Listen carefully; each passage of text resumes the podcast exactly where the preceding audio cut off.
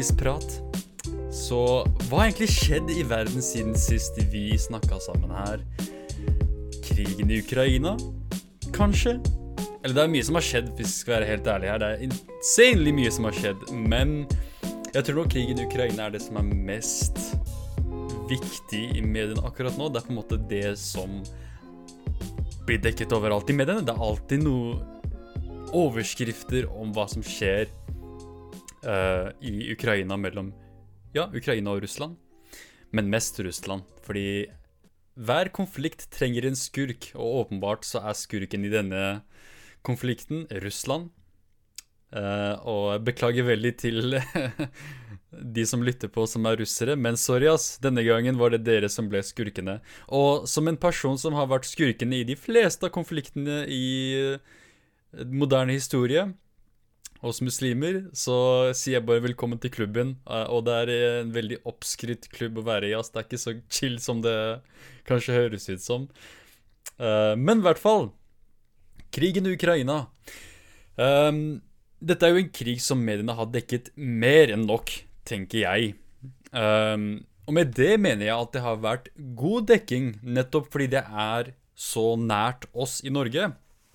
Og det er en ting som er viktig å huske på når man ser på hva mediene dekker av konflikter og kriger.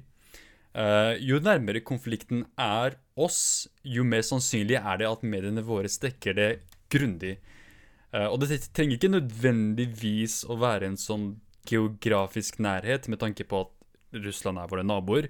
Men det kan også være en nærhet med tanke på at det kanskje er en eller annen nordmann som er i utlandet, som har rota seg bort til noe, så blir det da dekket av mediene fordi det handler om en nordmann. Det er nært Norge, ikke sant? Um, men det kan også være noe som er sånn uh, verdimessig nærhet, hvis du skjønner hva jeg mener. Nå veit jeg at veldig mange utlendinger ikke forstår ordet verdi. Jeg tuller. Jeg tuller. Men um, hvis du tenker på f.eks. av måten de dekker krigen i Midtøsten, at det stort sett er sett fra perspektivet til de som deler verdiene til oss i Vesten. Um, enten det er Israel eller opprørere som på en måte kjemper imot autoritære regimer. Uh, sånn som når det kommer til krigen mellom Palestina og, og Israel, eller krigen, konflikten, så er det stort sett dekket fra perspektivet til Uh, vent litt, jeg må bare trykke på en knapp her. Uh, det er stort sett dekket fra perspektivet til uh, til Israel. Nettopp fordi Israel er nær oss når det kommer til verdier. antageligvis. Det er det man påstår. Allegedly. det samme med når det er en konflikt mellom um, befolkningen til et autoritært, autoritært regime. F.eks. det som nå skjer i Iran. da. Nå har ikke vi i Vesten så veldig mange verdier å dele med Iran, men de som på en måte har opprør og protesterer mot det autoritære regimet, de har vi veldig mye til felles med. Fordi de ønsker på en måte likestilling og friheter, da, som på en måte er det vi i Vesten påstår vi eh, påstår er våre verdier. Vi elsker frihet. Tydeligvis. så det er det jeg mener, da. At ofte så kan det til og med være noe sånn verdimessige nærheter. da, At vi på en måte er nær hverandre verdimessig, og det vil da gjøre at mediene våre dekker det også. Um, men det kan også være en type kulturell uh, nærhet. Uh, med tanke på at det er kultur som vi har en stor tilknytning til. Uh, for eksempel ting som skjer i Hollywood Uh, vi er jo veldig informerte om ting som skjer med amerikanske skuespillere og musikere og komikere, sånn Joe Rogan blant annet, som jeg antar er en komiker. Ja, han er morsom, jeg skal være ærlig. Det er en, en av hans standup-komedier som ga meg latterkrampe. Så definitivt han er morsom. Men uh, når det kommer til hans standup-komedie, Keep it real. Han er mer en intervjuer. Han passer mer som det enn en komiker. Selv om igjen han har noen morsomme jokes her og der. Men det er litt forskjellig når du er i komikerrollen versus når du er i podkaster og intervjuerrollen. Så det, han, på en måte, er, jeg syns han er flink til å skille mellom disse to. Og jeg tenker at når han er i podkastrollen sin, så bør han egentlig ikke være så mye komiker, men heller mer podkaster. For det er, det er liksom snakk om to ulike scener, ikke sant? Så det blir litt rart hvis han da kommer som komiker Joe Rogan på en podkast med en gjest som er en astronaut. Det hadde vært veldig rart. Det er sånn hva gjorde du i verdensrommet? Fjerta?' så det, det, blir veldig teit. Det blir mer passende da å spørre hvordan var det å se ned på jorda? Uh, hva skjedde egentlig med romkapselen når du prompa? Sånn, det, det, blir litt mer sånn intellektuelt, ikke sant? Og akkurat der så syns jeg han er veldig flink. Selv om han ofte deler meninger med folk som jeg stort sett er uenig med. Men det, at jeg i det hele tatt vet hva hans verdier er, og, og, på en måte kjenner til Joe Rogans og hans komedie, er nettopp et bevis på at vi har veldig stor tilknytning til kulturen i, i USA, blant annet. Så når det da skjer ting med uh, disse kjendisene fra USA, så blir det dekket i våre medier igjen, nettopp fordi uh, det er så spleisa med vår egen kultur her, her i Norge. Um, men samtidig, vi vet jo egentlig veldig lite om de samme miljøene i Storbritannia. Uh, nå vet jeg om en del uh, standup-komikere i Storbritannia, men det igjen er fordi det er på en måte jeg er litt, jeg er litt i den verden, og jeg bryr meg litt om den verden. Jeg er glad i uh, folk som bruker Gervais, da, ikke sant, eller uh, ah, Limmy. Limmy er en av mine favoritter, men uh, ja, det, igjen, det er liksom type selv der man kan si engelsktalende, de har jo tatt litt over det kulturelle, egentlig. Eh, spesielt på sosiale medier og internetten nå for tida. Men hvis jeg ser på resten av Europa, da. Så hvor mange tyske komikere kjenner du til? Eller hvor mange tyske skuespillere eller musikere kjenner du til? Uh, igjen, med mindre det er liksom en del av din verden, del av din boble, så veit du kanskje ikke nødvendigvis så mye om disse ulike kulturene ellers i verden. Uh, du er veldig sær hvis du gjør det. Hvis du, hvis du, hører på tysk rap, er du sånn en raring. Det er sånn, hva faen er det du hører på? Um, men stort sett så er det sånn amerikansk kultur da, som på en måte er det som er tilknyttet oss. Og dermed, det som skjer i USA i forhold til uh, skuespillere og kjendiser, da, så, så dekker mediene våre sted fordi folka bryr seg. Og jeg, jeg blir irritert når folk sier 'Hvorfor dekker de bare kjendiser?' Fordi du bryr deg! Slutt å bry deg, kanskje, så dekker ikke disse folka de nyhetene her. Så enkelt er det. De dekker det fordi du klikker inn på artikkelen, idiot. Hvis du ikke vil ha slike artikler, ikke klikk på dem. Ikke se på puppene til uh, Hvem er det som er populær nå for tida? Jeg vet ikke, men ikke vær interessert i de artiklene som viser deg nipslips. Sånn, klikk på noe annet, så dekker mediene heller det. Det er jo en grunn til at de skriver disse artiklene, fordi du bryr deg. Um, sorry. Ok, Det andre jeg kan tenke på når det kommer til mediedekkingen, men kanskje i mindre grad, er nok dette her med religion. Uh, og jeg sier i mindre grad, for jeg, jeg, føler ikke at Norge er et spesielt religiøst samfunn. Og ikke for å si at vi i Norge ikke har religiøse miljøer, det har vi absolutt. Um, nå er Norge liksom gradvis blitt et litt mer, ikke bare multikulturelt, men multireligiøst samfunn. Uh, I mindre grad. Sånn, i, i, små pockets, i små sånne der, miljøer. Vi har liksom en, en liten andel muslimer, uh, hinduer uh, Hva annet har vi, da? Ja? jøder har vi vel veldig lite av. Det er ikke veldig mange som, av de i Norge. Men det, det er i hvert fall en ulik det er liksom mangfoldighet av religioner i Norge. Det kan vi være enige om. Men definitivt, kristendommen er jo det som er den største religionen. Norge anses jo også fortsatt til den dag i dag som et kristent land. Det er bygd opp av kristne verdier, og vi har enormt mange kristne miljøer i Norge også. Det skal man være ærlig om. Men vi må også være ærlige med at Norge er et land hvor religion i økende grad blir en irrelevant faktor når det kommer til nærhet og brorskap eh, overfor fremmede nasjoner. Ehm, men jeg vil nok si at de miljøene i Norge som fortsatt er kristne, da, jeg tror nok de miljøene er mer interessert i tilstanden til kristne miljøer i resten av verden. Uh, uten tvil. Og Kanskje derfor er det disse mediesakene blir dekket, nettopp fordi vi har slike miljøer her i Norge. F.eks. hvis en gjeng med kurdiske muslimer blir drept i Midtøsten, um, så er muslimer eller kristne nå. Hvis, ja, hvis, en gjeng med kurdiske muslimer blir drept i Midtøsten, da, så er det veldig lite mediedekking av det. For det er ikke så viktig. Det er sånn, kurdiske muslimer blir drept hele tiden. Uh, og da, sånn, Vi har ikke så stort eller så nært forhold til det.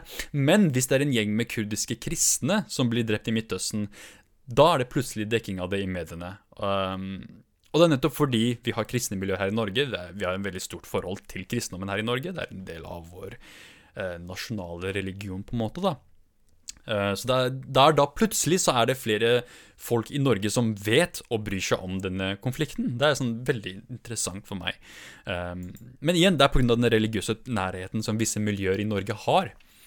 Um, så en annen ting som jeg kan tenke på Og det er nok en haug av andre faktorer som mediene ser på, men dette her med økonomisk nærhet, det er kanskje noe som i økende grad tar over hva mediene dekker, og hva de bryr seg om. Um, I moderne tid, kanskje, kan vi si. Eller kanskje det alltid har vært sånn, med tanke på økonomi spesielt, fordi økonomi er jo veldig sjelden en sånn type eh, nasjonalgreie. Ofte er det en internasjonal ting. Eh, og det skyldes jo denne såkalte globaliseringen av samfunnet. Igjen til alle mine utlendinglyttere. Jeg vet dere ikke forstår globalisering-begrepet. Jeg tuller, jeg tuller! Slapp av, jeg kødder bare! Faen, ikke klikk! Men jeg regner med at du vet hva globalisering betyr. Det er at på en måte samfunnet og verden blir mindre og mindre. Alt er connecta. All, alle disse samfunnene på en måte vi er bundet sammen. Det er veldig sjelden at noe skjer i én land og det ikke påvirker resten av verden. Uh, spesielt med innvandring og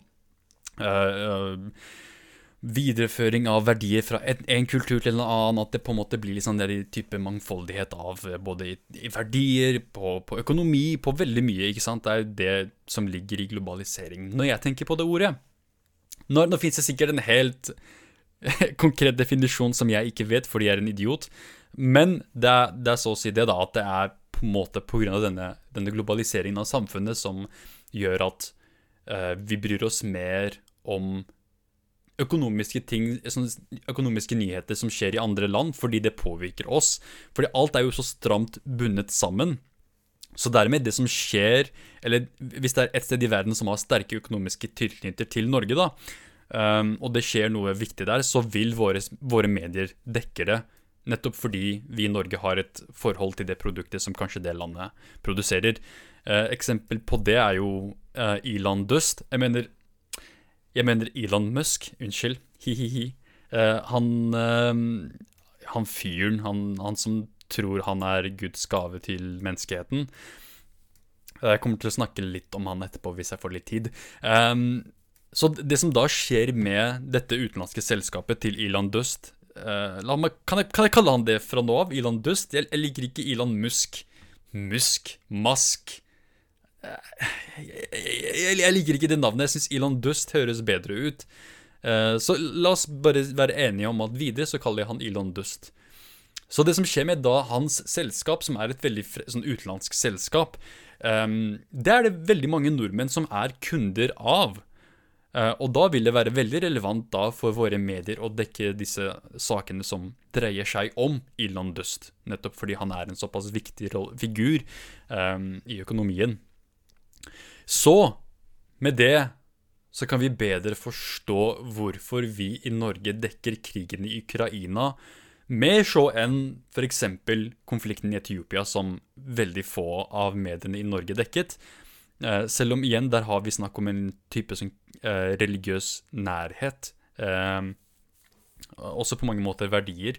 Eh, vi ga jo eh, Abiy Ahmed Nobels fredspris. Norge, vi, vi i Norge ga han det, men likevel var det veldig lite dekking av det i norske medier, noe jeg syns er veldig rart. Eh, og denne konflikten har jo på veldig mange måter vært mer brutal enn denne konflikten mellom Ukraina og Russland. Men igjen, siden Ukraina er så mye nærmere oss på mange flere måter, altså det dekker flere faktorer, så er det mer mediedekking av det i nyhetene.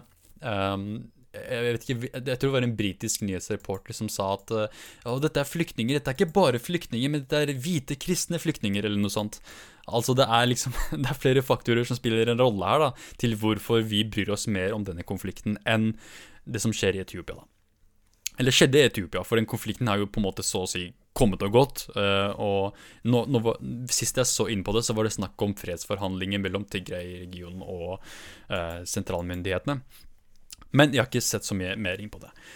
Uh, men jeg skal være ærlig. Jeg personlig er um, interessert i denne konflikten i, i Ukraina for ulike grunner. Um, En ting som kanskje er viktig å nevne først og fremst, er at konflikten har drevet veldig mange folk på flukt. Både ukrainere og russere. Eh, så vi tenker ofte på at ukrainere flykter, men det er også veldig mange russere som flykter fordi de vil jo ikke bli sendt til Ukraina for å slåss. Uh, og de har det jo litt vanskeligere med å flykte, fordi det er slik at vi i Vesten og resten av Europa på en måte åpner dørene for ukrainske flyktninger, men de er litt mer strenge når det kommer til russiske flyktninger. Uh, og det har da gjort at de må finne veldig sånn, kreative løsninger på hvordan å være flyktning. Så akkurat nå er det veldig mange russere der ute som på en måte lever livet som en utlending. Sånn, nå veit de hvordan det føles å være utlending. Heftig velkommen til klubben igjen. Ikke en veldig kul, eh, kul klubb å være en del av. Vi har ikke, vi har ikke veldig mye uh, fester og kule events, ass. Det er bare slit. Men velkommen til klubben. I hvert fall, uh, dette her med flyktninger til Norge, i hvert fall. da. Uh, Aftenposten um, Eh, sorry. Aftenposten skriver at det bl.a. har kommet ca. 31 901 søknader fra ukrainske asylsøkere i Norge hittil. Og at det forventes at i løpet av 2023 så vil det være rundt 80 000 flyktninger fra Ukraina. dette, er, dette tall ifølge UDI, da. og hvis situasjonen forverres i Ukraina, så kan det være opptil 120 000 flyktninger fra Ukraina i Norge. Så med det, velkommen til alle ukrainere. Dere eh, flykter fra krig og kommer til Norge for å bli svartinger. Velkommen. Og, tro meg, det er kanskje litt dritt, eh, men det er bedre enn å bli bomba psykopater, legit. Det er, det er, litt bedre her, altså, jeg skal være ærlig. Og du er kanskje vant til kulda, men her er det enda kaldere, tro meg. Um, og det som kanskje kommer til å overraske deg, er at de samme folka som undertrykket deg i hjemmelandet, også er her. det er alltid gøy. Um, som kurder, for eksempel, da, så syns jeg det er hysterisk at jeg flykta fra verdens varmeste sted til verdens kaldeste sted for å flykte fra tyrkere, arabere og persere. Um, jeg trodde kanskje at de ikke ville like seg i Norge, så kom jeg hit, da, siden det er bare snø og kalde folk her. Eller kulde og kule folk her. Jeg elsker nordmenn. Nordmenn er kule. Men faen heller, de er her, de også. Hva søren? Uh, så for deg som er ukrainer, du kommer til å merke det samme. Du flykter fra russere, og så kommer du til Norge, så er du naboer med russere. Eh, Bokstavelig talt, både med grenser og at mange av naboene dine mest sannsynlig vil også være eh, russere. Så det er ikke bare Norges naboer, men det er dine, dine naboer. Så med det, ta råd fra en, en med sju års erfaring som svarting i Norge. Legg fra deg nasjonalismen, legg fra deg hatet ditt, bitterheten. Her i Norge så blir vi alle dratt under én og samme kam. så, det, så, det, så, det, er best for oss minoriteter egentlig å komme godt overens, fordi det er på en måte bare oss her. Er, skal vi virkelig hate på hverandre her? Vi er allerede en utrydningstrua art. Uh, jeg har f.eks. møtt på fantastisk fine folk som tilfeldigvis er tyrkere, arabere og persere. Uh, og nå har det seg slik at jeg faktisk Ikke noe shade mot uh, våre norske hvite brødre men, og, og, søstre, men jeg skal være ærlig med at jeg trives mye mer i et rom fullt av svartinger fra Midtøsten um, enn hvis det bare er nordmenn. Og ja, det er alltid gøy. Folk er folk, mennesker er mennesker. Alle har gode hjerter, spesielt nordmenn. Nordmenn er fantastisk fine folk. Men uh, arabiske nordmenn, tyrkiske nordmenn, hvis man kan si det sånn, eller persiske nordmenn er, De er et helt annet beist, ass. De er en helt annen type folk, ass. Jeg, trives enda mer med de, jeg skal være ærlig. Nå er jeg kanskje litt rasist her, men la oss være ærlige. Vi er alle litt, litt rasister iblant. Ikke at jeg er rasist, come on. Nå kommer jeg sikkert til å bli misquota for å være en rasist. Fuck. Hvorfor ødelegge livet mitt? Jeg kommer her og snakker dritt og ødelegger livet mitt. Jeg vet ikke hvorfor jeg gjør det engang. Jeg gjør det jo gratis. Det er ikke som om disse tingene her koster penger å høre på. Men jeg kommer ut her, ødelegger livet mitt, og så skammer jeg meg etter et par måneder. Og sletter denne podkasten, mest sannsynlig. Uh, men jeg skal være ærlig. Jeg skal være veldig ærlig. Hvis jeg er Hvis jeg er i Midtøsten og er i et rom med arabere, tyrkere og persere, da bæsjer jeg på meg av angst. For det er noe helt annerledes å være i et rom av av disse ulike artene fra Midtøsten i Norge enn det det er i Midtøsten. I Midtøsten er kurder på en måte undertrykk av folk. da Der blir jo for meg bomba og drept av arabere, tyrkere og persere. Men Her i Norge så er vi naboer. Vi, vi vokser opp sammen, vi er bestekamerater, vi spiller fotball sammen. Vi lever sammen, ikke sant? Bæsjer på samme sted, spiser samme mat. Det er liksom morsomt at jeg tok bæsjing først, også mat. Men på en måte, vi, vi lever sammen, ikke sant?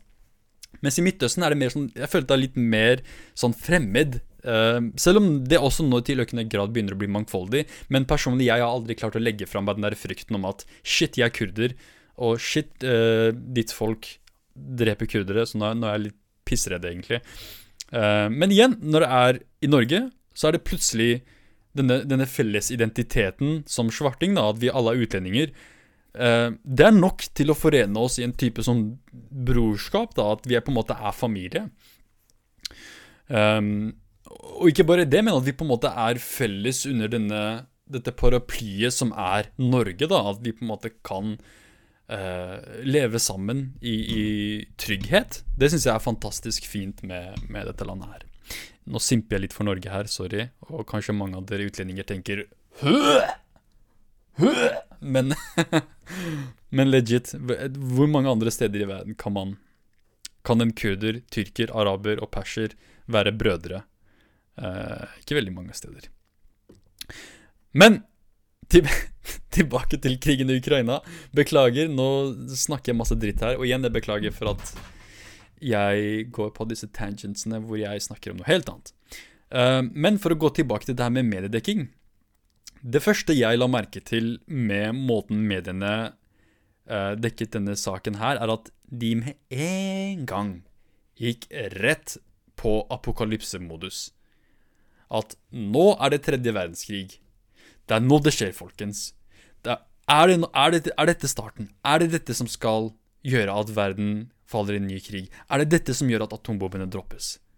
Det var nettopp dette inntrykket jeg fikk av mediedekkingen så fort krigen starta. Det var sånn type Nå skjer det, folkens.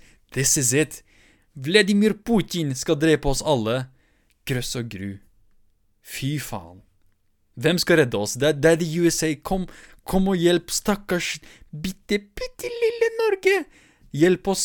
Putin, han er slem mot oss. Han, han vil drepe oss.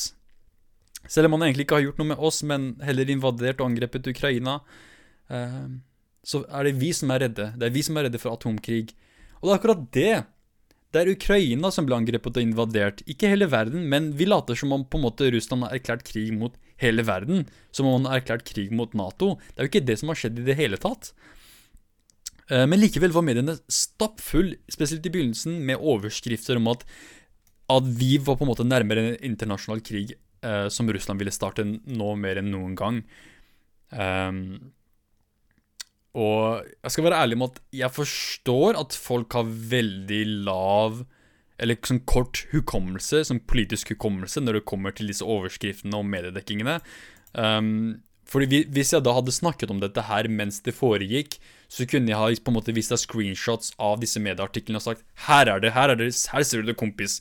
Her ser du hva mediene skriver. Skjønner du hva jeg snakker om da? Og da hadde folk sagt til meg Slapp av, hva du overdriver. Det er bare mediene. Men nå som dette her skjedde for to-tre uker siden, da, så blir det litt vanskelig å grave fram disse artiklene. Så er det plutselig ingen som tror på meg. Ivar, de har aldri sagt det! Hva snakker du om? De har aldri snakket om tredje verdenskrig. De har aldri snakket om atomkrig. Nei, det er det de gjorde. Det absolutt alt det de snakka om, var tredje verdenskrig. Sånn, nå skjer det, nå dropper de bombene. Har du, har du eh, kjelleren full av eh, vann og kjeks, sånn at du kan overleve atomkrig. Har du nuke bunker, kan du redd overleve? Det er liksom what the fuck, hva, hva, hva skjedde plutselig? Um, men, men, det er bare sånn folk er. Folk glemmer disse tingene her. Folk glemmer alt det drittet Donald Trump sa. Folk glemmer uh, alt det skittet som Joe Biden gjorde for bare et par år siden. Det eneste de vet, er det som skjer nå. Og det er sånn mennesker er. Hva var det du gjorde for meg sist? Hva har du gjort for meg i det siste? Ikke sant? Det er sånn mentalitet vi har. Du kan hjelpe en person så mye som du vil. Være den snilleste fyren. Fucking stille opp hver dag. Men plutselig går det to-tre måneder hvor du ikke gjør noe, så er du plutselig en kjeltring. Det er, det er, sånn mennesker fungerer, og det er sånn vi fungerer også når det kommer til vår politiske og, og mediehukommelse. Vi glemmer ting, vi går videre, fordi det er alltid noe nytt. Det er alltid noe nytt som tar over oppmerksomheten vår, så vi glemmer alt det drittet som har kommet tidligere. Uh, og mediene er veldig flinke på å utnytte dette her. Uh, og nettopp siden de glemmer det, så er det slik at de, de, slipper unna med det. Og etter min mening så var det sant at det, det var faktisk såpass hysterisk uh, så, så, mye hysteri da blant mediene i forbindelse med denne krigen her. Um, og faktisk på mange måter så er det fortsatt sånn. Det er ikke som om de har slutta med det og gått videre. Jeg tror fortsatt dette er en sånn type En type vogn de fortsatt rir på. En, ja, noe sånt. Det, det, er fortsatt sånn, altså. Selv om, selv om det ennå, ennå, skjer, så er det like før de går videre, hvis jeg skal være helt ærlig. Uh, men måten jeg ser artiklene på nå, det, det er fortsatt på en måte dette, dette, denne tanken om at um, At det er, det er, sånn verden skal falle sammen. Uh, at det er på en måte Russland som skal erklære krig mot hele verden uh, og, og utløse en atomkrig. Og jeg skal være ærlig, det er, sånne ting syns jeg er helt unødvendig. Um, men det, det, som er interessant da med måten mediene dekker er på, er at det på en måte viser og tydeliggjør medienes rolle når det kommer til sånn type medie, mediedekking.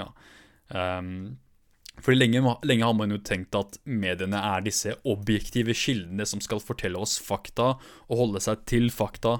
Men for en eller annen grunn så slipper de fortsatt unna med en enorm grad av utnyttelse av folks angst overfor dommedagen og, og konflikt, da, sånn nær konflikt. Um, jeg føler at mediene på en måte elsker å skremme driten ut av befolkningen, når de heller kan presentere faktaene slik som de er. Men slik som de er, er ikke sexy. Det er ikke skummelt. Så dermed, hvorfor være objektiv når du heller kan spamme nettsidene med skumle overskrifter som peker på menneskehetens ende? Og det, min kompis, min bror, min kamerat, det er min største problem med mediedekkingen av denne konflikten, er den der unødvendige dekkingen av uh, den doomsday-fetisjen. Uh, Uh, ellers, som sagt, så er jeg stort sett fornøyd med den graden av dekkingen ellers. Så jeg syns det er absolutt det er viktig å dekke denne konflikten like mye som egentlig enhver konflikt, uh, som fører til sånn enorm mengde av menneskelidelse. Uh, og igjen nettopp pga. dette her konseptet om globalisering. det at vi nå kan få opp til Igjen, hvis konflikten forverrer seg, at vi kan få opp til 120 000 ukrainske asylsøkere. Eh, det påvirker jo oss. Men jeg vil si at alle konflikter påvirker oss. Um, og igjen, det, det er nettopp det her med globalisering. Og jeg vil foreslå slik som utvilsomt er foreslått av millioner av andre før meg, og det er at globalisering ikke bare er snakk om økonomi og kultur og alt det der, men det er også snakker om menneskesivilisasjon generelt, at det på en måte påvirker nesten så å si alle aspekter av uh, menneskesivilisasjon, da. Vi, vi, lever ikke lenger i en verden hvor en krise er isolert fra resten av verden. Det er alltid en faktor som vi kan grave fram, da, som tydeliggjør at det er flere aktører involvert i en sak enn en bare undertrykker og offer, ikke sant? Um, så konflikter som da foregår internasjonalt, etter min mening finner alltid en vei tilbake til uh, lille bit, Bitte lille, bitte lille, lille, bitte lille Norge. Alltid. De kommer alltid tilbake til oss, selv om vi egentlig ikke er involvert i, i mange årsaker, da, eller mange eh, Mange årsaker, så er årsaker Eksempler.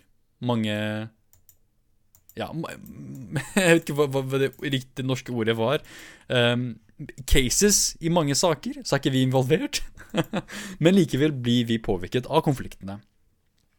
Um, og det er, det er jo grunnen til at jeg sitter her foran en mikrofon og snakker på norsk når jeg er født og oppdratt som en kurder.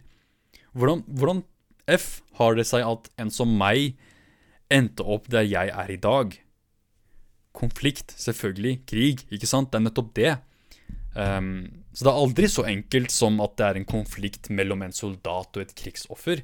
Det er alltid mye mer enn det. Det er alltid langt mer komplekst enn bare effekten av uh, uh, Av krigføringen. At det, det, det, går litt lenger, det blør litt lenger.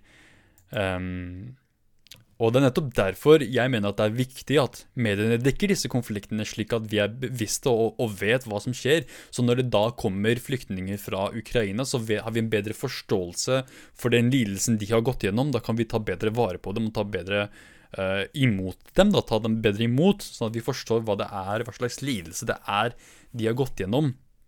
Slik at vi sammen kan bygge oss opp igjen, ikke sant? Um, så det er ikke bare snakk om at denne konflikten er viktig for oss fordi det er vårt nabolands krigshandlinger uh, som er viktig for oss å følge med på. Men jeg vil si at det ikke trenger å være en naboland engang. Det kan være et fremmedland, et land som er på den andre siden av verden. At deres krigshandlinger også er relevante for oss å følge med på. Selv om, det er, igjen, selv om det er en befolkning som er helt fremmed for oss i Norge i dag, men mest sannsynlig så kommer den fremmede befolkningen til å en dag bli asylsøkere hos oss. Eh, hvis konfliktene fortsetter slik som de gjør. Og ofte så blir det det. Ofte så får vi jo flyktninger fra hele verden. Og det er nettopp pga. disse konfliktene. Og når de kommer hit, så sier vi Er det dette skattepengene mine går til? Du sier du kom fra fattigdom, men hadde råd til båt hit. Ikke sant? Vi, vi forstår ikke den lidelsen de kommer fra, for i mediene våre dekker ikke den lidelsen de har gått gjennom. Men vi forstår godt lidelsen til et land som mediene dekker masse. ikke sant? Så Derfor jeg synes det er viktig at vi dekker disse konfliktene, nettopp fordi disse folka som lider nå, en dag kommer til å bli nordmenn. Da er det greit at vi forstår dem, ikke sant? at vi, vi, vi, vi lærer oss om dem, og lærer om hvem de er, og hva de har gått gjennom. Men absolutt, veldig god dekking og i dybdedekking av konflikten, men igjen der så ligger jo det problemet også, det med at eh, mediene ikke kan la konflikten være heller. At det på en måte er det viktigste på agendaen. Det er jo ikke lenge siden hvor covid var på en måte overalt på nyhetene. Det var jo sånne type counters på nettsiden til avisene som fortalte folk hvor mange som hadde blitt smitta. Eh, og kanskje mer morbid så var det jo sånn hvor mange folk har dødd av covid. Uh, men til tross for at det var mange som døde, mange som ble syke og smitta, og alt det der, så har vi jo egentlig gått videre. Uh, og det gjør at mediene ikke lenger kan skremme oss med covid. Så hva gjør de da? Jo, de prøver å skremme oss med, med apokalypse og, og, atombomber. Tredje verdenskrig. Det er fordi det er skummelt. Um, og det er nettopp det inntrykket jeg egentlig får av mediene. da, at det, um, hver gang det er en sånn type sak som media er besatt av, så vil det bli sånn enormt fokus eh, på å gjøre befolkningen redde og skremme livet av oss. Og vi som en befolkning blir sånn eh, jaded. Vi, vi, blir slitne. Vi gidder egentlig ikke å bry oss lenger. Vi, fordi vi har sett så mye av det. Vi tenker whatever. Vi går videre. Vi, vi lærer oss å håndtere det og cope med det. Vi klarer å leve med det. Eh, så de dekker det såpass at befolkningen ikke lenger bryr seg og ikke lenger er bekymret over situasjonen. Uh, og etter min mening så er det der den, uh, den største moralske forbrytelsen media driver med. Det er der det ligger. At, at de klarer å få oss til å gi faen i, uh, i, i disse konfliktene, da, i disse folka som lider. De klarer å på en måte fjerne vår følelsesmessige tilknytning til lidelsene til andre mennesker ved å spamme oss med nyheter om det, til den grad at vi til slutt tenker ja ja, whatever, enda en konflikt, hvem bryr seg, vi går videre, ikke sant? Og, og, vi blir deprimerte som et resultat. Fordi det eneste vi ser, er elendighet og, og faenskap. Uh, og igjen, du kan dekke disse sakene her objektivt, du kan fortelle oss om hva som skjer, men når du gjør det på den måten her at this is it, verden går under, det er nå det gjelder, vi er alle ferdige, ebola, uh, fugleinfluensa, covid. Nå, nå, snakker jeg bare om sykdommer her, men ja, ikke sant, krig, av tredje verdenskrig, er det nå det skjer? Um, flyktninger fra Midtøsten, er det, er det, nå de skal ta over Norge og ødelegge oss alle? Det er liksom alltid noe som er helt krise. Um, og det er det som på en måte alltid interesserte meg med rusmidler også. Nå har jeg snakka om rusmidler her ganske mye på kompisprat, men det er den samme type hysteriaen rundt rusmidler som jeg synes var, som var, veldig fascinerende når jeg uh, eh, forska på rusmiddeldekking. Det var nettopp dette her med at rusmidler, narkotika, kommer for å voldta Norge. Sorry for at jeg brukte V-ordet. Um, kommer til å ta over Norge. ikke sant? Vi kommer til å ødelegge ungdommen vår og ta livet av oss alle og gjøre oss alle til narkomane.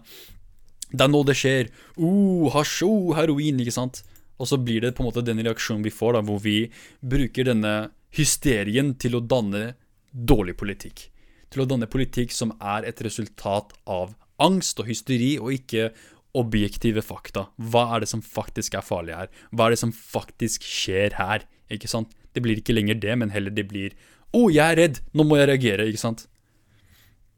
Um, og, og, det samme frykter jeg da med, med, med måten vi reagerer på uh, fremmede konflikter, da, eller ting som skjer i Ukraina. da, At de dekker det så mye og på en måte utnytter og misbruker våre følelser for å selge overskrifter.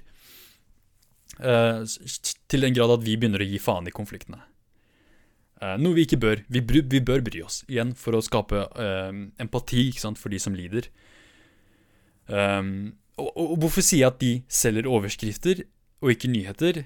Um, og det er, det er, fordi, la oss være ærlige, det er jo det de gjør. Hvis du tenker på folk som leser nyhetene, hvor mange folk leser faktisk sånn leser-leser nyhetene? Versus folk som rett og slett bare leser overskriftene, danner seg et fullstendig bilde av hele saken i hodet sitt, og går videre, fjerter, tar en kopp med varm melk og, og legger seg. Det er liksom, Folk flest har ikke tid til å sitte og lese alle disse sakene her i dybden hver dag. Det er, det er en veldig sånn spesifikk gruppe mennesker som har den energien og den interessen til å på en måte sette seg ned og lese hver eneste artikkel om denne konflikten i dybden, og på en måte få med seg alt det viktige. Det som folk flest får med seg, er disse skumle overskriftene at 'nå skjer det'! Hva er det som skjer nå? Ja, det må du klikke deg inn på for å lese. Men det er jo ingen som klikker seg inn. Ingen gidder. Ikke sant? Folk klikker seg inn, leser kanskje den lille teksten, og så går videre. Klikker seg ut igjen. Det er, det er liksom Det er ikke det, det, Disse artiklene blir ikke fordøyet på den måten som de er ment. Fordi folk har ikke den interessen. Sånn, la, oss være ærlige. Vi lever i en tidsalder hvor lesing er på en måte sånn, Spesielt for nyheter. Det er, det er sånn subprime. Det, det, er ikke like interessant som det å se en TikTok-video om saken, eller en Instagram-post. Um, så da, da, er det på en måte mediene Og igjen, det er egentlig et resultat av medienes egen egne strategier og metoder for å drive journalistikk som er et resultat av dette her. De har på en måte gjort dette her med seg selv og gjort det med oss. At vi har den der lave, korte oppmerksomhetskapasiteten som vi har. Eh, så da blir det jo slik at mediene oppsummerer sakene sine i sånne korte radioinnslag, TV-reportasjer på en, en, halvtime, så skal de fortelle meg om alt som skjer i verden. Eh, eller enda verre, avisoverskrifter at man på en måte Du, du scroller gjennom eh, vg.no, og det er der du får liksom VG-nett. At, at, det er liksom på en måte sånn du får nyhetene dine, da, disse overskriftene. Og kanskje trykker du deg på én eller to artikler. Um, og samtidig, alle disse overskriftene dag etter dag etter, dag etter dag etter dag, det på en måte bygger seg opp. Det blir som Lego, ikke sant? At det plutselig stacker seg opp, og så får det en, en viss innbilt forståelse av en konflikt eller en situasjon du egentlig ikke har, men du prøver å sette ting sammen i hodet ditt gjennom uh, disse overskriftene du ser. Eller kanskje bare, det er bare meg som er sånn. Men igjen, jeg, jeg, jeg er jo ikke aktiv med nyhetsene. Jeg, jeg tror ikke jeg klikka meg inn på en nyhetsavisside på et år nå. Jeg skal være ærlig, så med det overdriver jeg. Tar jeg feil om dette her? Mest sannsynlig. Men har jeg et poeng? Det er opp til deg å bestemme. Jeg har kanskje ikke et poeng. Eller hvem pokker vet? Jeg vet ikke. Um, Men jeg håper i den ramblinga så var det kanskje noe som du var litt enig i. Og hvis du var uenig, eh, kom deg vekk og hør på noe annet, ikke hør på meg. Jeg vil ikke, at du skal være uenig med meg. Jeg vil ikke at du skal komme og banke meg opp og drepe meg og stabbe meg fordi du er uenig med meg. Derfor jeg egentlig ikke liker nyheter, fordi nyheter og politikk og sånt er liksom, det, det skal så lite til å pisser folk av helt, at folk blir dritsure og begynner å hate deg, liksom. Du skjønner meg ikke engang, bro. Du har ikke, du har ikke Kom og fjert med meg litt, så skal vi se om du liker meg eller ikke. Kom og ha det gøy med meg, så skal vi se, liksom. Det er, sånn, det, det er ikke nyheter og politikk som avgjør en persons identitet. Uh, du kan henge med en person som har helt motsatt politisk ideologi som deg, og ha det utrolig koselig og gøy. Så jeg syns det er litt synd at vi på en måte nå for tida så kjapt da avgjør om vi liker noen eller ikke liker noen basert på deres politiske tilhørighet. Politikk er bare tull. Det er bare sport. Det er liksom på samme måte som å hate folk fordi de liker Manchester United når du er Arsenal-fan. Så come on, det er, det er teit. Det er liksom nerd shit. Og det er akkurat det politikk egentlig er. Nerd shit. Og jeg leser ikke nyhetene. Ikke nå lenger. Eh, jeg har, som sagt, jeg har faktisk ikke lest nyheter på ganske lenge. Og akkurat nå gjør jeg det folk flest gjør når det kommer til nyheter, eller å danne meninger. Ehm, jeg er faktisk avhengig av folk som faktisk leser nyhetene, de som faktisk får masse informasjon. Og så danner jeg da min mening om saken basert på den informasjonen som personen eh, jeg snakket med, eller som fortalte meg om dette her, mener, da, hva, hva de syns. Eh, og dette kan være folk på YouTube, det kan være folk på Twitch, folk på Instagram. Det kan være, det kan være ting som memes, rett og slett. Keep it real fucking memes. Eller kommentarfelt, ikke sant. Det, det er ikke nødvendigvis eh, journalister jeg får min informasjon fra. Ofte så er det borgerjournalister eller folk som er podkastere eller eh, lager morsomme videoer på YouTube som får eh, er hvor, Det er på en måte der jeg får min informasjon fra om politikk nå for tida. Og det er ganske rart, fordi hvis du blar gjennom tidligere Kompisprat-episoder, så får du et langt eh, mer annerledes og sånn et helt annet blikk på mitt forhold til nyheter. Eh, jeg var nok sånn over gjennomsnittlig, gjennomsnittlig interessert i kildekritikk. Eh, det å på en måte analysere og vurdere nyhetssaker ved å ta inn informasjon fra alle tilgjengelige kilder, finne ut hva som er crap, hva som er bullshit, men i hvert fall ta inn da all, alle disse tilgjengelige kildene som er tilgjengelige for meg, og fordøye det til å og på en måte prosessere det og gjøre det til et, um, til et eget produkt, da, som da ofte ble presentert gjennom kompispratepisoder. Um, og det er ofte der egentlig jeg tenker mye av um, det gode kompisprat gjorde. det er der det lå. Det, det, lå i den faktiske journalistiske prosessen som jeg gikk gjennom, som jeg nå egentlig har gitt helt slipp på fordi det gjorde meg så fuckings deprimert å gå gjennom alle disse nyhetene hver jævla dag. Jeg, jeg, hadde bare ikke det i meg å gjøre alt det her selv. Jeg kunne ikke lenger ha det forholdet som veldig mange eh, nyhetsfolk har til nyhetene, hvor de klarer å på en måte dekke det uten å være følelsesmessig involvert i saken, når de konstant dekker elendighet som mennesker gjør. For meg så ble det liksom litt for mye. Jeg gikk rundt og på en måte grubla over disse tingene her og var stressa over det, um, og det gjorde meg bare deprimert as fuck. Um, og jeg skal være ærlig med at jeg er mye mer lykkeligere nå, nå som jeg ikke er så mye involvert i nyhetene. Nå er jeg mer en sånn der type nyhetsforbruker hvor jeg ikke er den som eh, leser ti kilder og så lager en egen type um, fortelling, egen narrative om hva som egentlig foregår her, ved å, ved å bruke informasjon fra alle disse kildene da, til å finne fram det jeg mente var det viktigste med en sak. Og den prosessen, skal være ærlig, den, den er veldig slitsom. Det er, det er, gøy når du har en, en, partner, når du har noen du kan på en måte uh, bounce disse ideene av, men hvem faen andre gidder å henge med meg? Jeg er jo faen meg null venner som gidder å liksom lage disse kompispratvideoene. Så det ble veldig vanskelig for meg å på en måte gjøre alt det der alene, hvor alt skulle være meg, da, av denne produksjonsprosessen. Og igjen, jeg likte egentlig det. Jeg syns det var gøy eh, til en viss grad, men det, det, at det var bare meg, og jeg på en måte satt der og grubla alene for meg selv og tenkte sånn Fuck, den verden er fucked up sted, og bla, bla, bla. Det gjorde meg bare utslitt. Altså. Jeg ble sånn mentalt utslitt og tenkte på disse tingene her konstant. Jeg, jeg klarte ikke å skille det fra eh, livet mitt ellers. Det blir på en måte alt. Selv på fester så blar jeg fram liksom politiske nyhetssaker. Det er sånn what the fuck, bro. Vi kom her for å drikke øl og snakke om damer. Vi kom ikke her for å snakke om uh, folkemord i, i Myanmar. Uh, så det blir litt sånn slitsomt for folk også, tenker jeg egentlig. Selv om det var viktig, selv om det fortsatt er viktig å snakke om disse tingene her. Men uh, når man blir sånn obsessiv og besatt av den saken, eh, saker, da, så blir det litt, litt slitsomt når man er bare en person. Um, men det er ikke bare det som er grunnen til at jeg har slutta med nyheter til den grad jeg har slutta med. Da. Det er også pga. at jeg egentlig har andre ting i livet mitt nå som krever litt mer oppmerksomhet. Um, og du spør kanskje ja, Hivar, hva er disse grunnene? Um, eller kanskje du ikke spør i det hele tatt. Kanskje det er bare jeg som er sånn utrolig narsissist som tror at alt handler om meg. Uh, og gjør alt om meg, noe som er veldig typisk. Uh, jo, greia er at jeg også nå er blitt lærer, utrolig nok. Så ja, det tar en veldig stor del av hverdagen min, og det tar en stor del av tiden min. Um, og, og jeg trives egentlig. Jeg, jeg syns det er gøy å være lærer. Jeg syns det er gøy å på en måte henge med ungdommen da, og få, få deres blikk på verden og filosofi og filosofi som det er så mye filosofi blant ungdom. Det er jo egentlig det.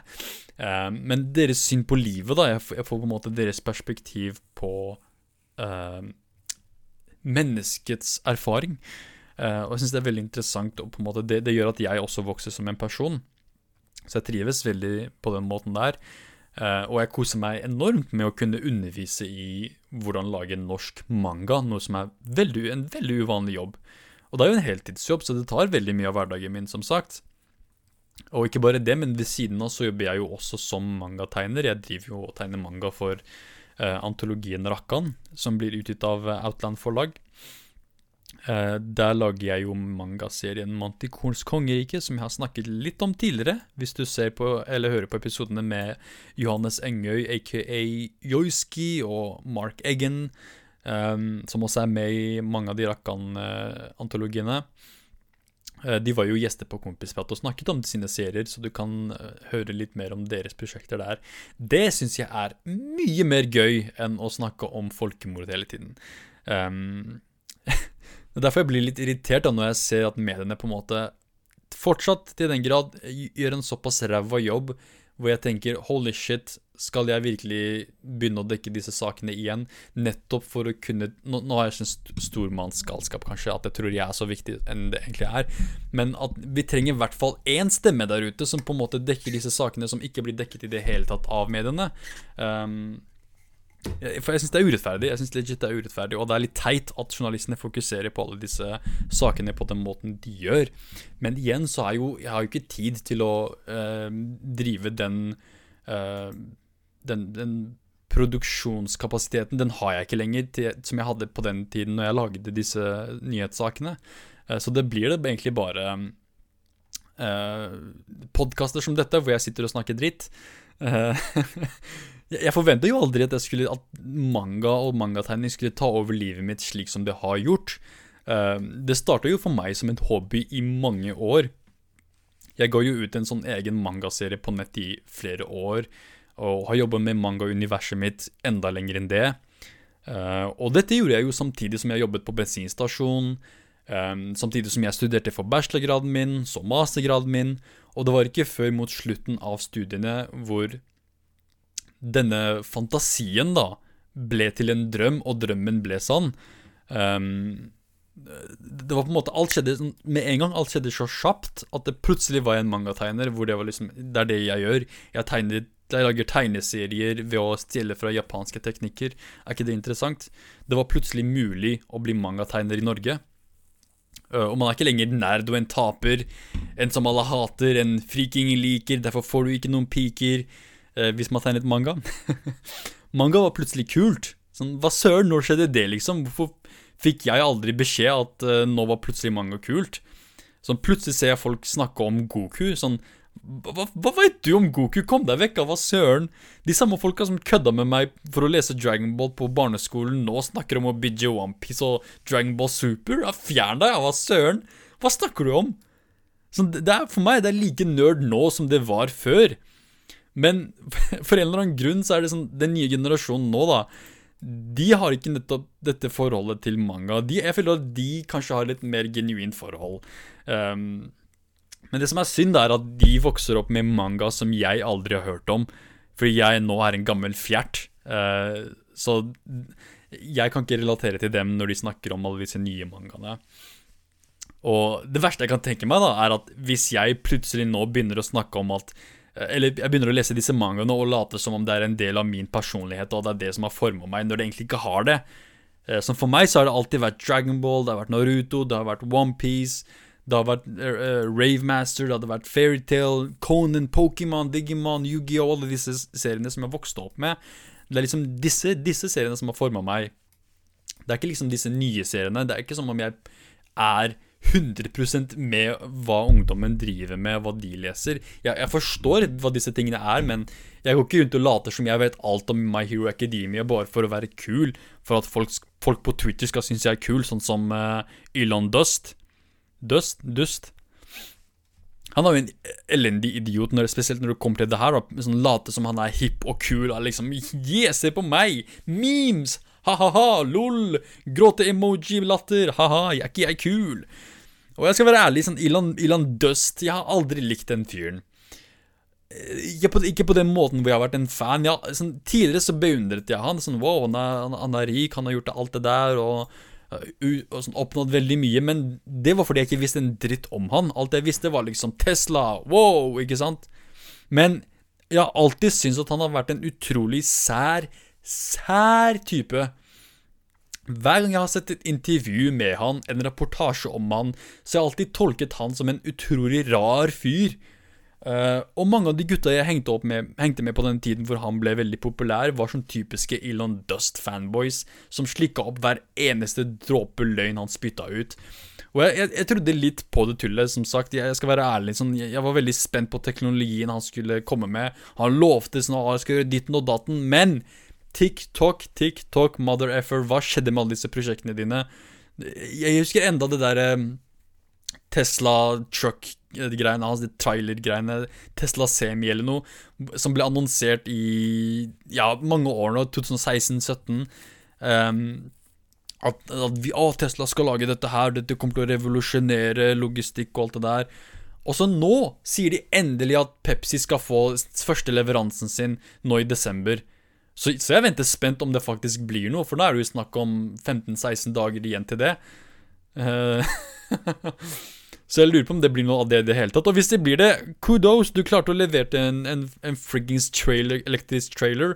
Bra jobba for deg. Lurer på hvor mye naturressurser du måtte slakte for å lage den uh, lastebilen.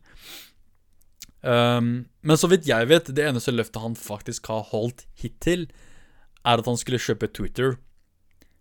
Twitter. Bror, hva snakker du om? Helt, helt ærlig, hvor mye kosta det deg? Hvor mye kosta det, deg, bro? Hvor mye, hvor mye brukte de for fuckings Twitter, bro? 44 milliarder. 44 milliarder brukte han på friggins Twitter. For en drittapp. For søppel blant søppel av apps.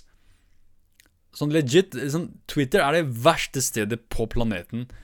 Det er liksom Det er, det er 4chan, Twitter og Reddit. Det er liksom disse tre forumene som jeg tenker Hvis du er på en av disse her, så er du søppelmenneske. Legit. Hvis du er på 4chan, så er du søppelmenneske. Er du på Twitter, du er søppelmenneske. Er du på Reddit, er du søppelmenneske. Og jeg vet at, jeg vet at det er 99% av folk som hører på Kompisprat, som er på ett av disse plattformene. Men igjen, hvis du hører på Kompisprat, det er søppelmenneske. og hva gjør det meg til? Søppelkongen. Eh, men uansett, liksom legit, du brukte friggins 44 millioner dollar, bro. Ikke kroner, mann. Hva snakker du om? Dollar. Han brukte 44 milliarder dollar på en friggings app. På en friggings app! Og jeg, jeg, tror egentlig så var det sånn at han, han at han skulle kjøpe det for å, for, for å være kul. Ha-ha, ytringsfrihet. Jeg bryr meg om ytringsfrihet. Jeg skal kjøpe Twitter og uh, la folk ha ytringsfrihet. Og så finner han ut at Twitter er bare er crap, at det, at det bare er bot accounts. Så prøver han å vri seg unna, men han blir pressa til å faktisk kjøpe det opp igjen. Og når han gjør det, angrer han som bare helvete. Uh, og det er liksom denne personen da som alle fanboysa hans sa skulle få oss til månen. Det er sånn Elon Musk, han skal redde menneskeheten. Og så klarer han ikke å fikse Twitter engang. Han kjøper opp Twitter og gjør en elendig jobb ut av det.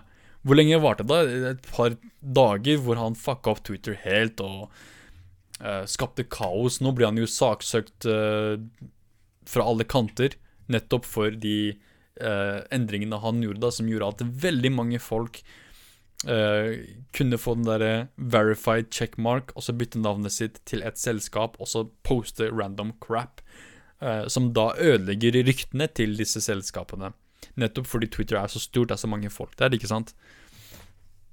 Uh, så jeg mener denne fyren er en komplett idiot. Legit. Hvordan kan du si det? Elon, Elon Dustin er milliardær, bro. Hva, hva, hva, vet du? Han vet mye mer enn deg. Du tegner prompevitser. Han vet bedre enn deg. Gjør han det? Gjør han virkelig det? Vet han virkelig bedre enn meg? Det første han gjorde med Twitter, endte jo med kaos med en gang. Det er ikke veldig smart. Keep it real det er ikke veldig smart når du ikke klarer å fuckings håndtere en app engang, bro. Han vet da faen hva han driver med. La oss være ærlige. Han vet da faen hva han driver med. Bro. Legit. Og, og tenk deg liksom Mange gir han skryt for alt det han har oppnådd, men hvis du gir meg spawnpointet han hadde Se hva jeg hadde gjort med livet mitt. Gi meg de privilegiene, privilegiene han hadde når han ble født, så skal vi se om jeg ikke hadde gjort det enda bedre enn denne kjempedusten. Gi meg en pappa som hans, da, som var sånn eh, Sånn elektrokjemisk Hva var det? Sånn ingeniør, pilot, eh, eiendomsdude som eide sånn eh, smaragdmine i Zambia, var det? I hvert fall han, friggins gemstone-mine, bro. Hvis faren min hadde hatt som Minecraft Diamond Mine, jeg hadde gjort det bedre enn det jeg gjorde nå. Mens faren hans var en legit sånn eide smaragder, bro. Emeralds. Emerald Mine, bro. Halvparten av det. Han vokste opp fattig. Han vokste opp rik. Han vokste ikke opp fattig. Hadde han vokst opp fattig og oppnådd det han gjorde, da hadde han hatt respekt av meg. Men han gjorde ikke det. Han var, han var rik kid. Hvis du som rik kid blir rikere, jeg blir ikke imponert. Du bare gjorde det alle vet skjer. Alle vet at de rike blir rikere. Det er basically det det ligger i å være rik, er at du blir rikere. Ikke sant? Med mindre du er Donald Trump og fucker opp. Men det er liksom det det er, basic, ikke sant? Men hvis han hadde vært i mine føtter, eller mine sko Mine føtter, hva faen er det jeg sier? Som min far, friggin sulten kunstner fra Kurdistan, soldat peshmerge som flykter fra krig uh, for å jobbe som frisør i Norge, med en ustabil kurder som sønn, som sitter og lager podcaster. Tenk deg hvis han, hadde, hvis han hadde vært meg, hva faen hadde han gjort med livet sitt da? Og hvis jeg hadde blitt født i en rik familie som han, da Se om ikke jeg hadde gjort enda mer for menneskeheten enn det denne idioten her har gjort. Legit. Elektriske biler, bro. Hivar, han lagde elektriske biler. Snakk til meg når han lager elektrisitet, faen. Når han klarer å lage elektrisitet, så kan du snakke til meg. Har du, har du sett strømregninga nå for tida? Har du sett hvor mye strøm koster nå for tida? Elektrisitet? Kødder du med meg? Det eneste han gjorde, var å lage en dyr forbruksvare som forsøpler planeten med, med, ressurser som er pumpa ut av u-land, som igjen skaper enorm klimaskade i de landene han pumper det ut av. Ikke han spesifikt, men igjen disse batteriene han lager, blant annet. Alle disse naturressursene. Snakk til meg når han finner en ren energikilde som kan fornye eh, Kan fornyes, da, og samtidig eh, fuele Hva er på norsk? Fuele, altså være energi da for disse søppelbilene han lager. Igjen søppelbiler. Jeg vet folk, folk liker å hype opp Tesla, men jeg mener det er søppelbiler. Legit. Det fins mye finere og mye bedre elektriske biler. Men igjen, sånn, det er ikke som om elektrisitet er billig nå for tida. Sånn friggin' hell. Har du sett strømregninga? Fuck! Jeg, ikke, jeg er glad jeg ikke har en friggings Tesla. Ikke elektrisitetsbil i det hele tatt. Sånn generelt. Um, men igjen, Snakk til meg når han, inntektene han har, de, de inntektene han får gjennom sine ideer, ikke påfører planeten og fremtidige generasjoner enorm skade. Og uansett hva av plaster han legger på de uhelbredelige sårene som han åpner opp med sin idioti, uansett hva, det er ikke nok, ass. Det er ikke nok. Så du kan ikke, kan ikke gi én eller to-tre milliarder til um, sultne folk, og så ja, that's it, jeg har gjort min del. Jeg har faen ikke gjort din del i det hele tatt. Hvis du har tjent så mange milliarder, så har du ødelagt milliarder av liv også. Du kan aldri komme til det punktet hvor du er uten å utnytte en haug av folk på veien dit. Det er, det er, sånn rike folk blir rikere, fordi de har nettopp muligheten til å utnytte folk. Og, ta, og på en måte skape enorm krise og, og, kaos på sin vei til mer rikdom. Uh, og, igjen, det er kanskje ja, her og nå han gjør ditten og datten, men den enorme skaden han har påført resten av uh, fremtidige generasjoner, da. Det, det, det, kan ikke måles med det, den minimale hjelpen han gir folk ellers. Og igjen, snakk til meg når han ikke driter seg ut på Twitter hver eneste dag. Legit. Jeg, jeg har søren meg mer respekt for uh, Faen heter han igjen, han Voldemort-fyren? Amazon Jeff Bezos, han, han fyren. Jeg har legit mer respekt for han enn det jeg har for Elon Dust. Legit. Fordi med Jeff Bezos, jeg vet, i hvert fall ikke at han er en friggins idiot. Jeg vet ikke, Han er sikkert det, men han er ikke på Twitter og driter seg ut hver jævla dag med teite memes som et barn. Bro, hvor gammel er du? 50 år gammel mann kommer på Twitter og poster memes? Sånn Facebook-memes? Sånn, get the fuck out of here. Hva er det du gjør, mann? Get out of here. What the fuck? Disgusting, bro. Med de drittmemesa sine. Voks opp. Legit. Det, det er kleint. Det er cringe. Ja La oss, la oss gå videre her. Igjen, legit, bare disse denne timen jeg har snakket om politikk, det har allerede gitt meg mer stress enn det jeg har hatt i det siste året. Holy! Nyheter er giftig as f. Det er søren meg giftige greier, ass. Jeg kan virkelig ikke tro jeg takla dette søppelet her i så mange år.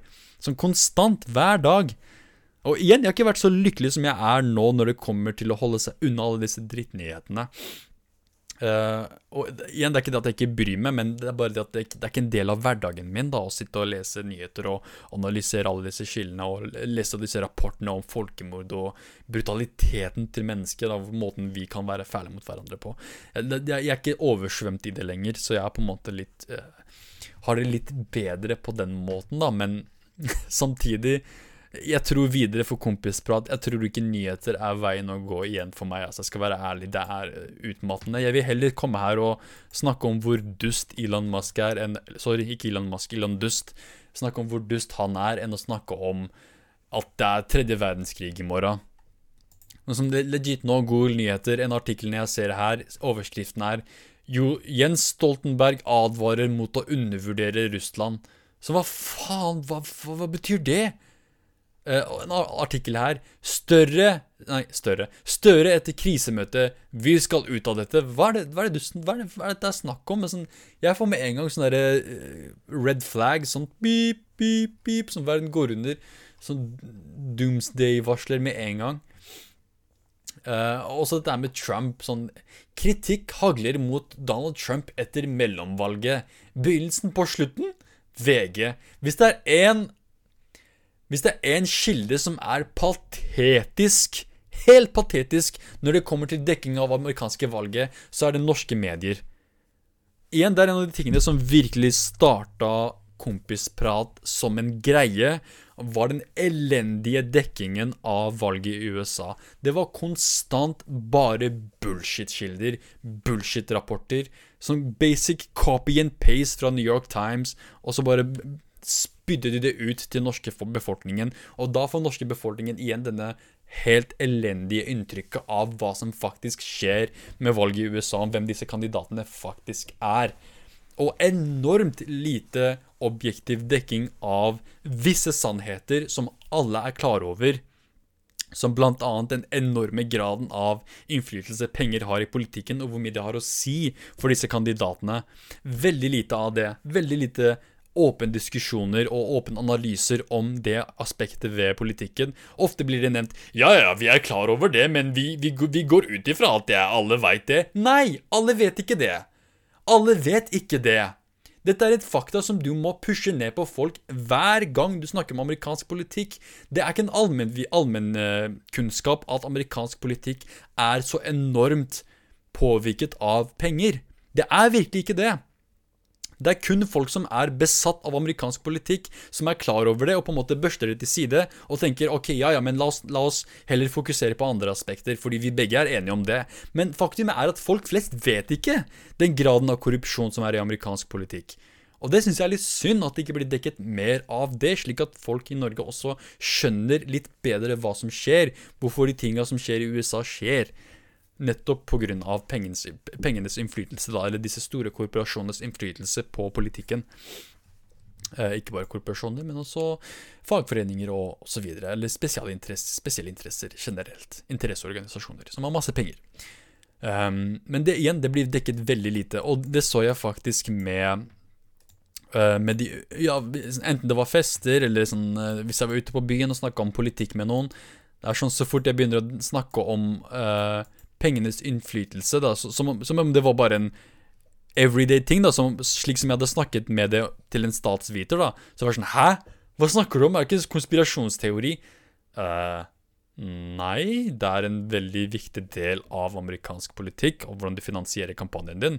Hvem er det som gir deg pengene? ikke sant? Det er, det er det er en basic greie. Det er en grunn til at politikere bruker en stor andel av tiden sin til å ringe folk og be om donasjoner. Det er grunn til at det er en at det er en større del av jobben som politiker i USA enn det å faktisk være med på å forme politikk. Um, men nei da, det ble alltid sett på som en sånn vill konspirasjonsteori, som om jeg var Alex Jones hver gang jeg nevnte dette faktumet her. Igjen som om det bare var en sånn ja, ja, det, vi alle, ikke sant, sånn som vi, vi, som er klar over det, snakker om det på. Da, som om ja, det er en greie, men la oss heller snakke om alt det andre. Men jeg, jeg klarte aldri å komme meg forbi den der at penger hadde en såpass stor innflytelse på politikken. Så med det håpet jeg da at det skulle bli mer dekking av det, men det, det var det aldri.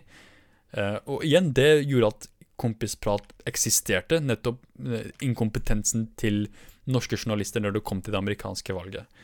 Uh, og ikke bare det, men etter hvert så ble det jo også sånn fremmede konflikter, at det også blir en type sånn drivkraft for kompisprat. At, at, det var så urettferdig lite dekking av utrolig enormt viktige saker eh, internasjonalt, som var en stor påvirkning på, eh, på oss her i Norge, da.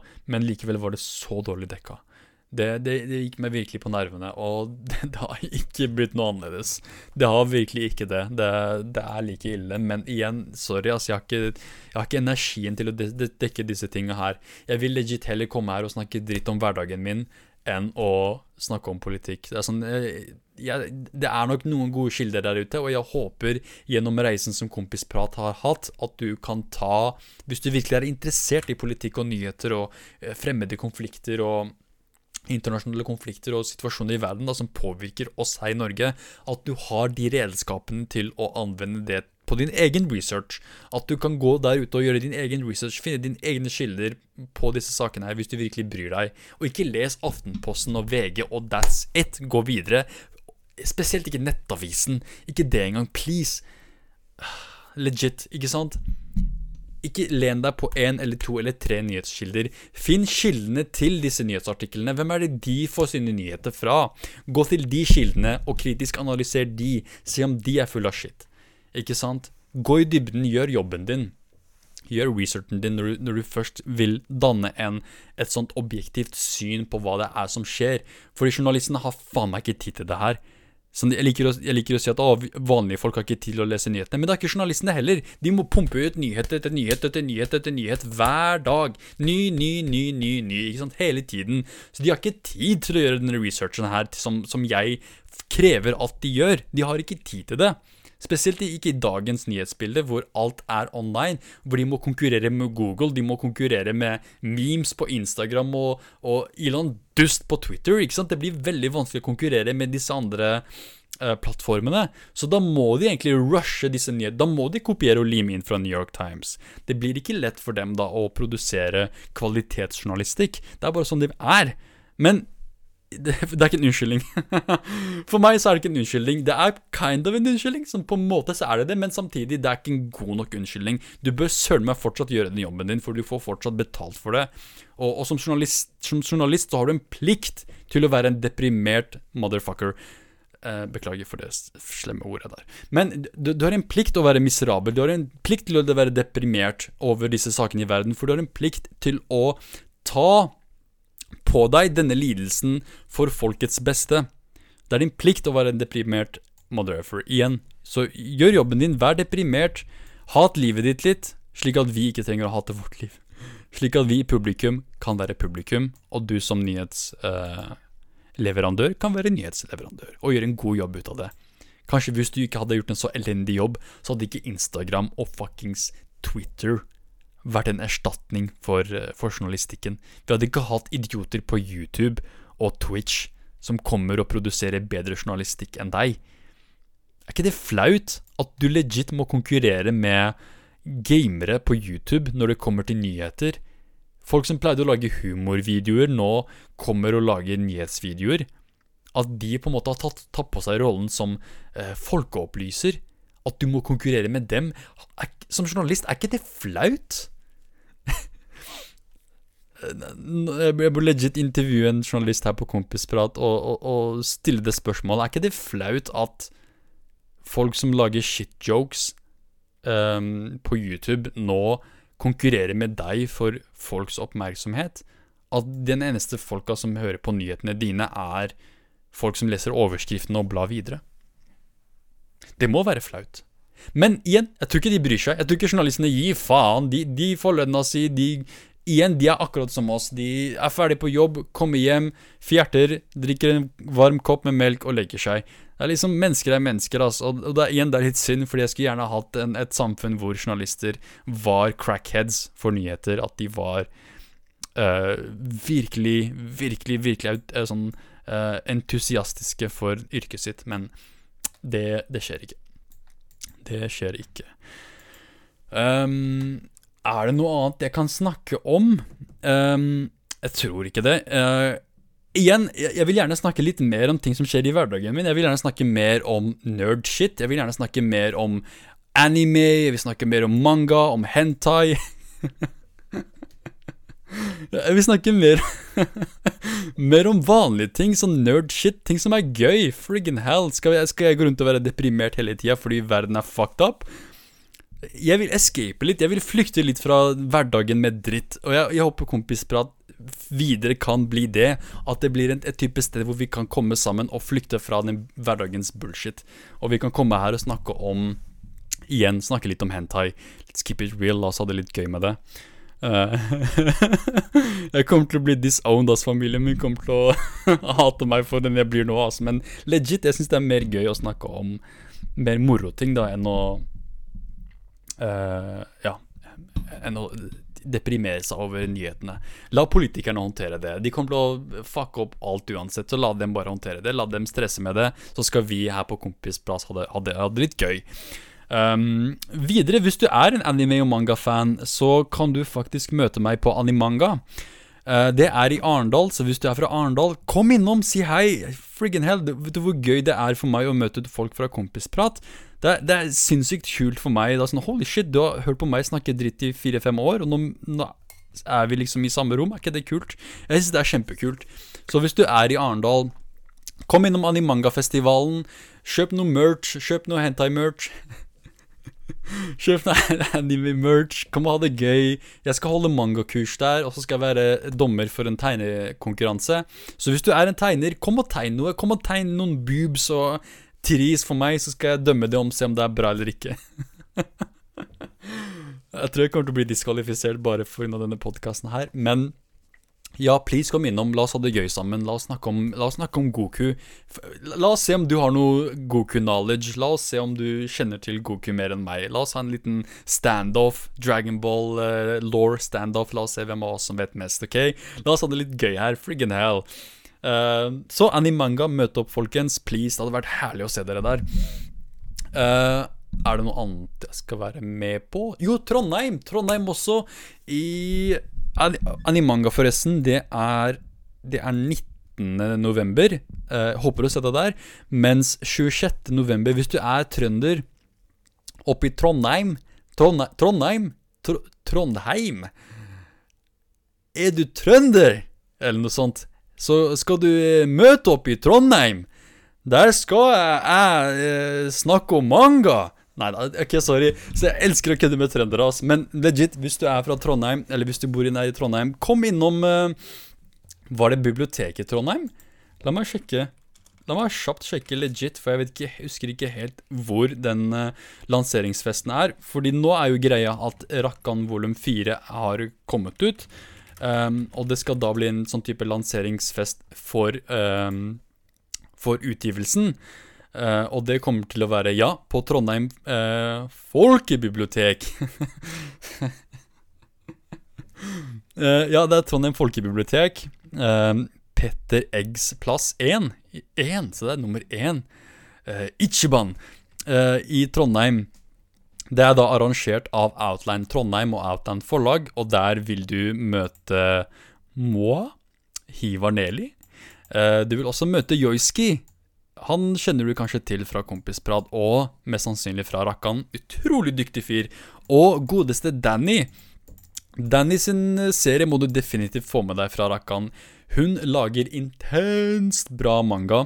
Det vil jeg definitivt anbefale å sjekke ut. Og eh, i, i, denne festivalen her, eller denne mangafesten, da, som de kaller det, denne lanseringsfesten, så får du muligheten til å uh, ja, chatte litt med Danny, få litt mer liksom uh, uh, informasjon om hvordan hun lagde sin, sin, manga, og også Joiski få noen tips fra han, fordi jeg får masse gode tips fra Joiski til tegning. Altså. Han, han har jeg brukt som en ressurs. Altså. Han er en maskin når det kommer til gode tegnetips. Og også meg. Du kan komme, komme og så kan vi to snakke om hentai sammen. Det kan bli gøy. jeg må slutte med det der. Folk kommer til å ta det på, på alvor. Uh, Men ja, uh, jeg tror jeg ikke har noen andre arrangementer um, før neste år. Men jeg, jeg, tror jeg kan snakke litt mer om de når de nærmer seg. Men for nå, Arendal, Trondheim. La oss møtes der, folkens. Det hadde vært skikkelig gøy å snakke om manga og anime. Og kanskje politikk. Legit, jeg tror, jeg tror det blir mer avslappa å snakke om politikk også når det er litt mer avslappa rammer rundt oss. Men Uh, jeg vil helst ikke krangle, så hvis du kommer dit og du, har, du er uenig med meg om noe, uh, ikke fortell det til meg, ikke kom og mas på meg. Jeg, jeg, har nok av stress i livet mitt, jeg trenger ikke mer stress. Uh, igjen, la oss, la, oss prøve å, la oss prøve å transitione her på Kompisprat fra politikk og nyheter til shit-talking. At det blir ordentlig kompisprat, da, og ikke ikke at bare navnet er kompisprat, men det legit er kompisprat. En prat mellom kompiser. La oss holde det til det, eller hva? Vel, jeg er veldig enig. Så Takk for meg. Dette var en veldig ustabil episode her. Jeg beklager for det, men takk for meg. Dette var Hivar. Og nå litt heftig musikk. Eh, eller vent, vent, vent, vent, før vi drar. Eh, Effekt manga på Instagram, folkens. Jeg, jeg, liker ikke å promote shit jeg gjør, men gå inn på Instagram, Fordi der får du mer oppdaterte uh, datoer for når jeg Uh, er på steder, kanskje jeg er i byen du er i en gang, så veit du det litt mer tydelig ved å følge meg på Instagram. Uh, da kan du komme der, da kan du stabbe meg, drepe meg. Nei da. amen, men. Jeg kommer sikkert til å bli stabba en dag, ass, for alt det drittet jeg sier her. Men uansett, takk for meg. Dette var Hivar, og nå litt heftig musikk.